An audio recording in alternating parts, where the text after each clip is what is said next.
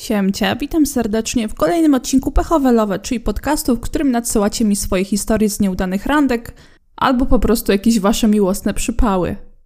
Wrzucam ten odcinek, kiedy już mamy chyba pierwszy albo drugi września, zaraz sprawdzę.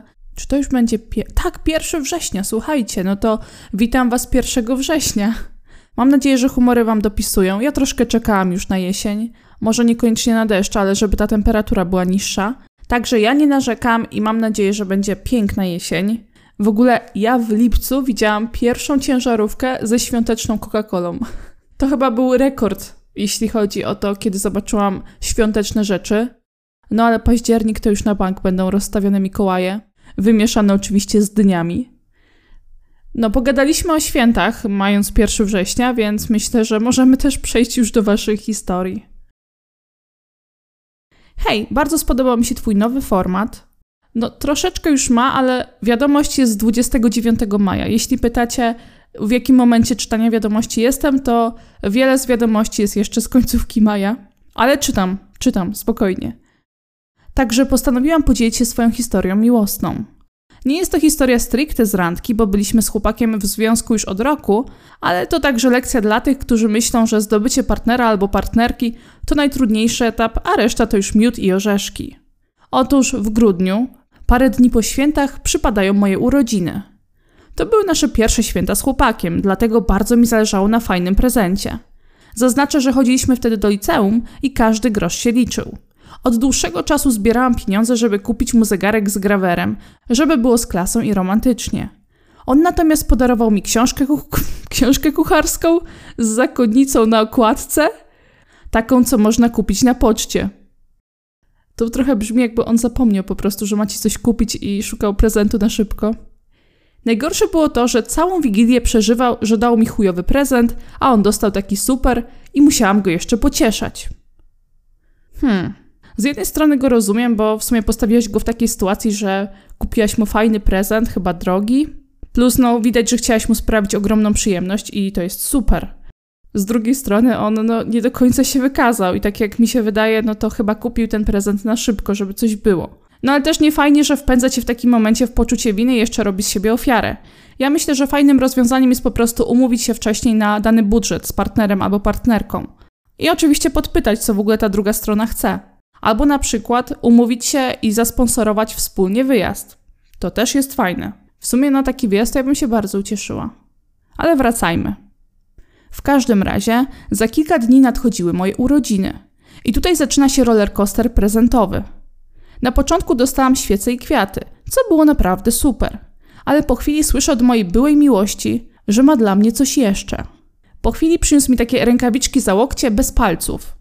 Dodatkowo wokół dłoni były obszyte tandetnym futerkiem. W każdym razie modowy koszmar.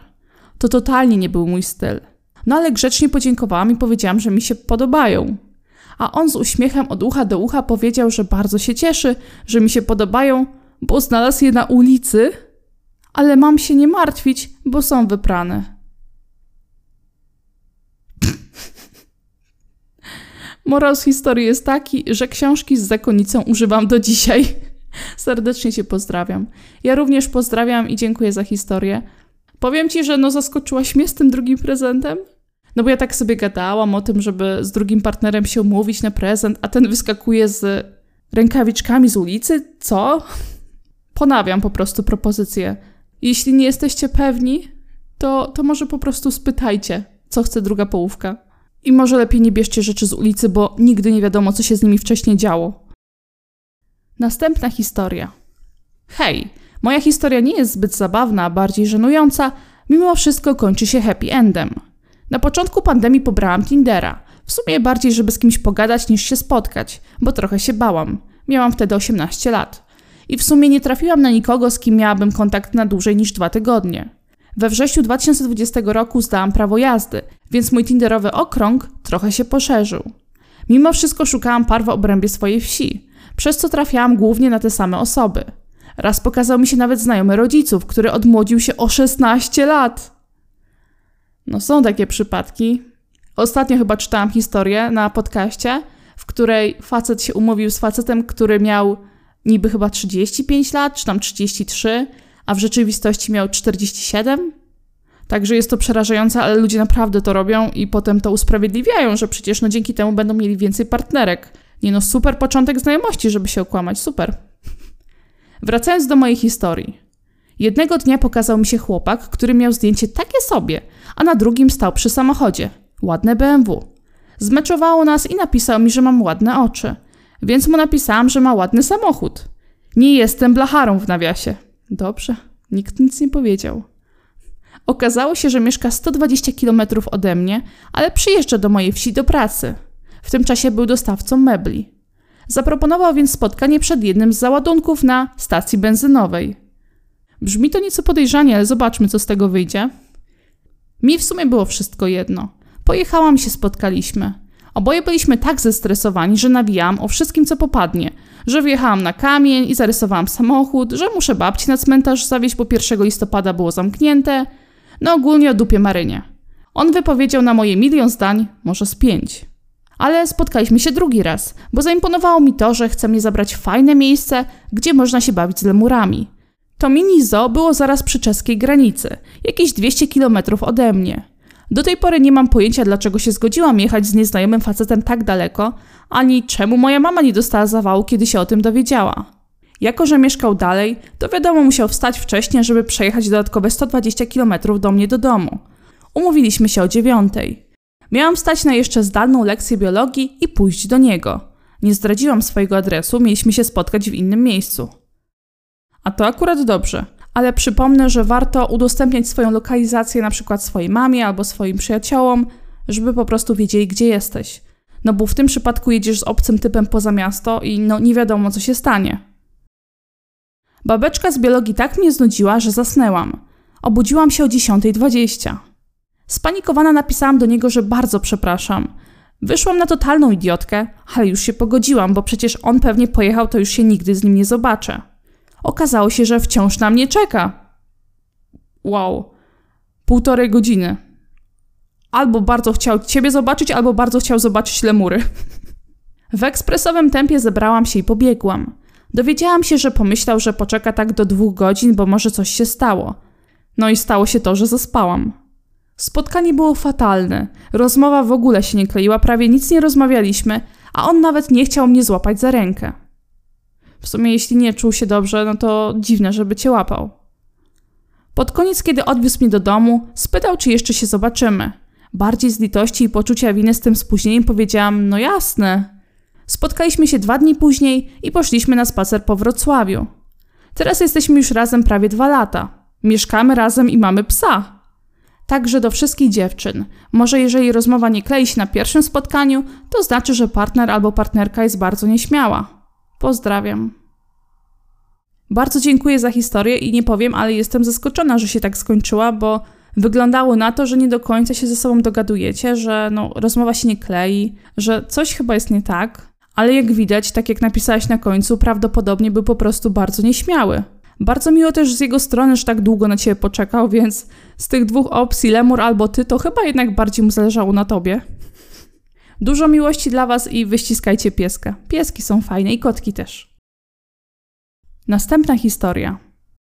W którym roku było pierwsze powstanie przed rozbiorami Polski? To nie jest pytanie, jakiego spodziewacie się na pierwszej randce. Ja też nie. Póki mnie to nie spotkało. Nudziło mi się trochę, więc umówiłam się na spotkanie z dalekim kolegą z Ukrainy, którego okazuje się, że nie znałam. No ale miałam złamane serducho po pierwszej dziewczynie i chciałam się rozerwać. Chociaż trudno to nazwać randką, było to bardziej coś w rodzaju lekcji historii. Zaczęło się niewinnie, chciał się czegoś dowiedzieć o historii Polski. Padło więc pytanie, w którym roku było pierwsze powstanie przed rozbiorami Polski? Odpowiedziałam poprawnie, zdziwiona. On takie, no nie, nie wydaje mi się. I sprawdza mnie na komórce. Ale hej, może on po prostu chce mnie nauczyć. No nie. Bo zaraz było pytanie o drugie, potem o trzecie, potem co się stało z Kościuszką po rozbiorach. Już nawet nie będę zaczynać o polityce. Czemu nie wspierasz 500? Mój Boże, to się nie mogło dobrze skończyć. Potem było jeszcze lepiej. Miał problemy z polskim, szczególnie z wymową, to ja mu powiedziałam pocieszająco: polski język trudny język. A on mi na to: wcale nie. I zaczął mówić o tym, jakie to proste. Mi, dziewczynie z Polski? Tak, panie obcokrajowcu, który nie mówi poprawnie. Mój język ojczysty jest prosty, oczywiście. To nie wszystko. Chciałbym go narysowała na jego aplikacji, jako że mówiłam, że mam talent. Nasz korciło powiedzieć Draw me like one of your French girls. No ale dobra, narysowany. On na to, że sam rysuje jak ostatnia łamaga. Odpowiedziałam mu na to, że jak widać mi idzie dobrze. On od razu mi odpowiedział, że a co jeśli ja tylko tak mówię, a rysuję lepiej od ciebie? No aż miałam ochotę strzelić facepalma. Serio? Jeśli tak wygląda podryw, to ja przez całe życie robiłam to źle. Pan Narcyz był nawet ode mnie lepszy w moich własnych studiach. Tak, chodząc na inne studia, kiedy mój przedmiot był u niego tylko pobocznym. Dodam jeszcze, że chodzę na bardzo trudne i prestiżowe studia. Mój pan Narcyz został błyskawicznie zghoustowany. Polecam wszystkim zrobić z takimi panami to samo. Chyba, że chcesz się pośmiać. Wtedy są idealni. No powiem wam, że się we mnie gotowało podczas czytania tego maila i nie tylko dlatego, że ten facet zachowywał się jak dupek.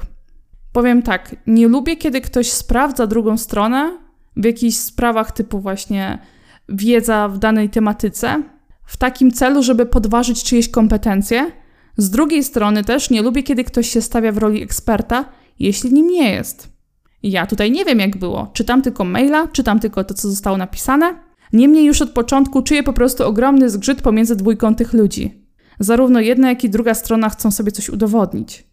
Jeśli chodzi o tematy polityczne czy wspieranie 500, to no ja też tego nie preferuję na pierwszym spotkaniu i w ogóle w takich momentach chyba warto postawić jakąś granicę. No nie wiem, powiedzieć na przykład, że nie czujemy się ok z rozmową na tematy polityczne na pierwszym spotkaniu i tyle. Pamiętajcie, że macie prawo odmawiać, nie? Jeśli chodzi o język polski, to on wcale nie jest taki łatwy, więc jeśli pan tutaj bardzo dobrze zna polski, no to nic tylko pogratulować. A jeśli chodzi o przedmioty na studiach, to to jest niebła ziemia, kiedy macie tylko jakiś tam zalążek danego przedmiotu jako przedmiot poboczny, a studiujecie coś związanego stricte z tym przedmiotem. Powiedziałam to troszkę za wiele, ale chyba wiecie o co mi chodzi. Mam nadzieję, że tutaj autorka się nie obrazi za krytykę, bo uważam też, że takie maile dają fajne pole do dyskusji na różne tematy. I jeszcze pewnie wiele będziemy mogli powiedzieć na przykład o ghostowaniu. Następna historia. Hej, chciałam się odezwać i opisać swoją historię. Widywałam się z pewnym chłopakiem na pierwszym roku studiów. Poznaliśmy się na spotkaniu ogólnostudenckim. Jako prawdziwy detektyw wyszukałam go i zaprosiłam jako pierwsza na Facebooku. Spotkaliśmy się może 4-5 razy w miejscach publicznych, w tym raz w walentynki na herbatę i spacer. Mimo iż to ja zawsze proponowałam spotkanie, daty, godziny i miejsce, to on bardzo ucieszony zgadzał się i ciągnął spotkanie już na miejscu. Najlepsze jest to, że zawsze obowiązkowym punktem spaceru, proponowanym przez niego, było zawsze to samo miejsce na mapie naszego miasta, a odstęp czasowy między spotkaniami był spory. Mimo to, on zawsze opowiadał mi dokładnie to samo o tym miejscu, a ja udawałam, że jest to bardzo ciekawe. Przypomina mi to trochę spotkania z dziadkami. Nie wiem jak u was było, ale mój dziadek często powtarzał te same historie, te same żarty. My byliśmy tym strasznie już zmęczeni, ale on i tak mówił. I powtarzał się i powtarzał. Także już chyba się domyślam, jaki może być twój absztyfikant na starość. Na ostatnim spotkaniu zrobiło się super dziwnie. Dowiedział się, że wyjeżdżam na trzy tygodnie do lasu na obóz z moją drużyną harcerską, a że była pandemia, to nie ma odwiedzin. No i się zaczęło. On zaczął mówić, jak to będzie tęsknić, jak to on nie wytrzyma beze mnie i tak dalej. Przypominam, że nie byliśmy parą. Trochę mnie to zbiło z tropu, ale okej. Okay. Chodzimy dalej, a on wypalił z pomysłem życia. Wymyślił, że kupi namiot i pojedzie ze mną i będzie koczował za moim podobozem, żeby móc na mnie patrzeć. Zrobiło się bardzo creepy. To, to jest mój komentarz jak coś. Ale to nie koniec. Kiedy chciałam wracać już do domu, on powiedział, że mnie odprowadzi, żeby wiedzieć, gdzie mieszkam na późniejsze czasy. Trochę mnie to przeraziło, więc napisałam do przyjaciółki, że do niej jadę, bo nie chciałam, żeby po tym całym dniu wiedział, gdzie mieszkam. Pod blokiem, po pożegnalnym przytulasie, chciałam już sobie iść do bloku, a on nagle mnie złapał. Użył sformułowania: No chodź tu! i mnie pocałował. Był to najgorszy pocałunek, jaki przeżyłam. Nie zdziwię chyba nikogo, jeśli powiem, że nigdy więcej po tym już się do niego nie odezwałam. A że to ja wszystko proponowałam, to on do mnie też nie napisał. Pozdrawiam. Wow, bardzo dziękuję za historię. Trzymajcie się od takich ludzi z daleka, Boże, to jest przerażające. Przechodzą przez moją głowę różne myśli i cieszę się, że nie skończyło się to niczym gorszym. To nie brzmi pocieszająco, ja wiem. Ale mimo wszystko dobrze, że ten kontakt się urwał i że nic ci się nie stało. On oczywiście nie powinien cię pocałować, no nie miał prawa. I to jest w ogóle paskudne z jego strony. Jednocześnie super przerażające jest to, że on proponował ten namiot. Nie wiem, co on sobie wtedy myślał, ale mam nadzieję, że sobie przemyślał to, co zrobił, to, co powiedział. Mam nadzieję, że to, że urwałaś z nim kontakt, dało mu do myślenia. No ale trudno powiedzieć. I na tej historii skończę dzisiejszy odcinek. Bardzo Wam dziękuję za wysłuchanie. Jak zwykle zapraszam na mojego Instagrama dramcia podłoga official albo przesyłanie swoich historii na przykład na maila dramcia.official.gmail.com. Oczywiście kontakt do mnie jest w opisie. A tymczasem bądźcie bezpieczni, uważajcie na siebie i oczywiście życzę Wam dużo fajnych randek. Ściskam cieplutko, bez odbioru.